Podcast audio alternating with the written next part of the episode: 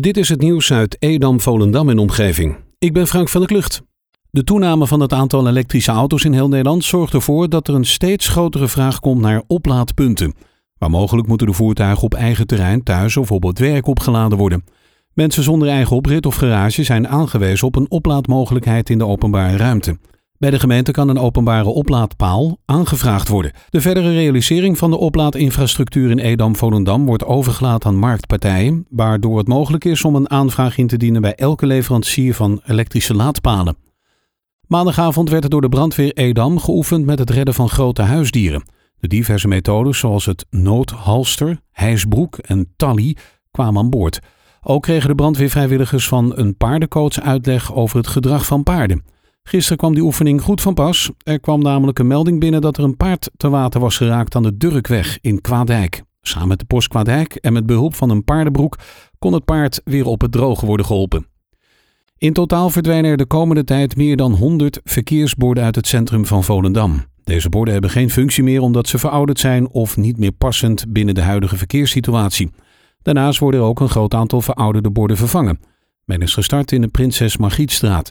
De gemeente Edam-Volendam voert de werkzaamheden uit in samenwerking met Van der Gracht Bestrating en Geovisia. Wanneer alle werkzaamheden zijn afgerond is nog niet te zeggen. Deze hele operatie gaat zeker een aantal weken in beslag nemen. Op de burgemeester Versteegsingel tussen de William Ponstraat en de Broekgouwstraat in Edam wordt per 1 september eenrichtingsverkeer ingesteld. Uit onderzoek is gebleken dat de verkeersintensiteit op de burgemeester Versteegsingel door de ontsluiting van de wijk op de keetzijde toeneemt. Bewoners van de Versteegsingel hebben naar aanleiding van dit onderzoek aangegeven dat hun straat niet is ingericht om dit verkeer veilig af te wikkelen en hebben verzocht om eenrichtingsverkeer in te stellen, zodat het veiliger wordt voor met name fietsers en ook de leefbaarheid niet afneemt. Bij het Dijklander ziekenhuis zijn ze klaar voor een eventuele tweede coronagolf, met de opzet dat ook de gewone zorg doorgaat.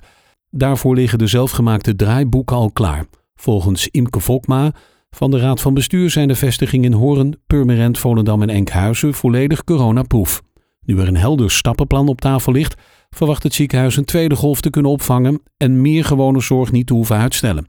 Tijdens de zomerperiode besloten Dijklanden dat zoveel mogelijk patiënten met corona in Purmerend worden verpleegd.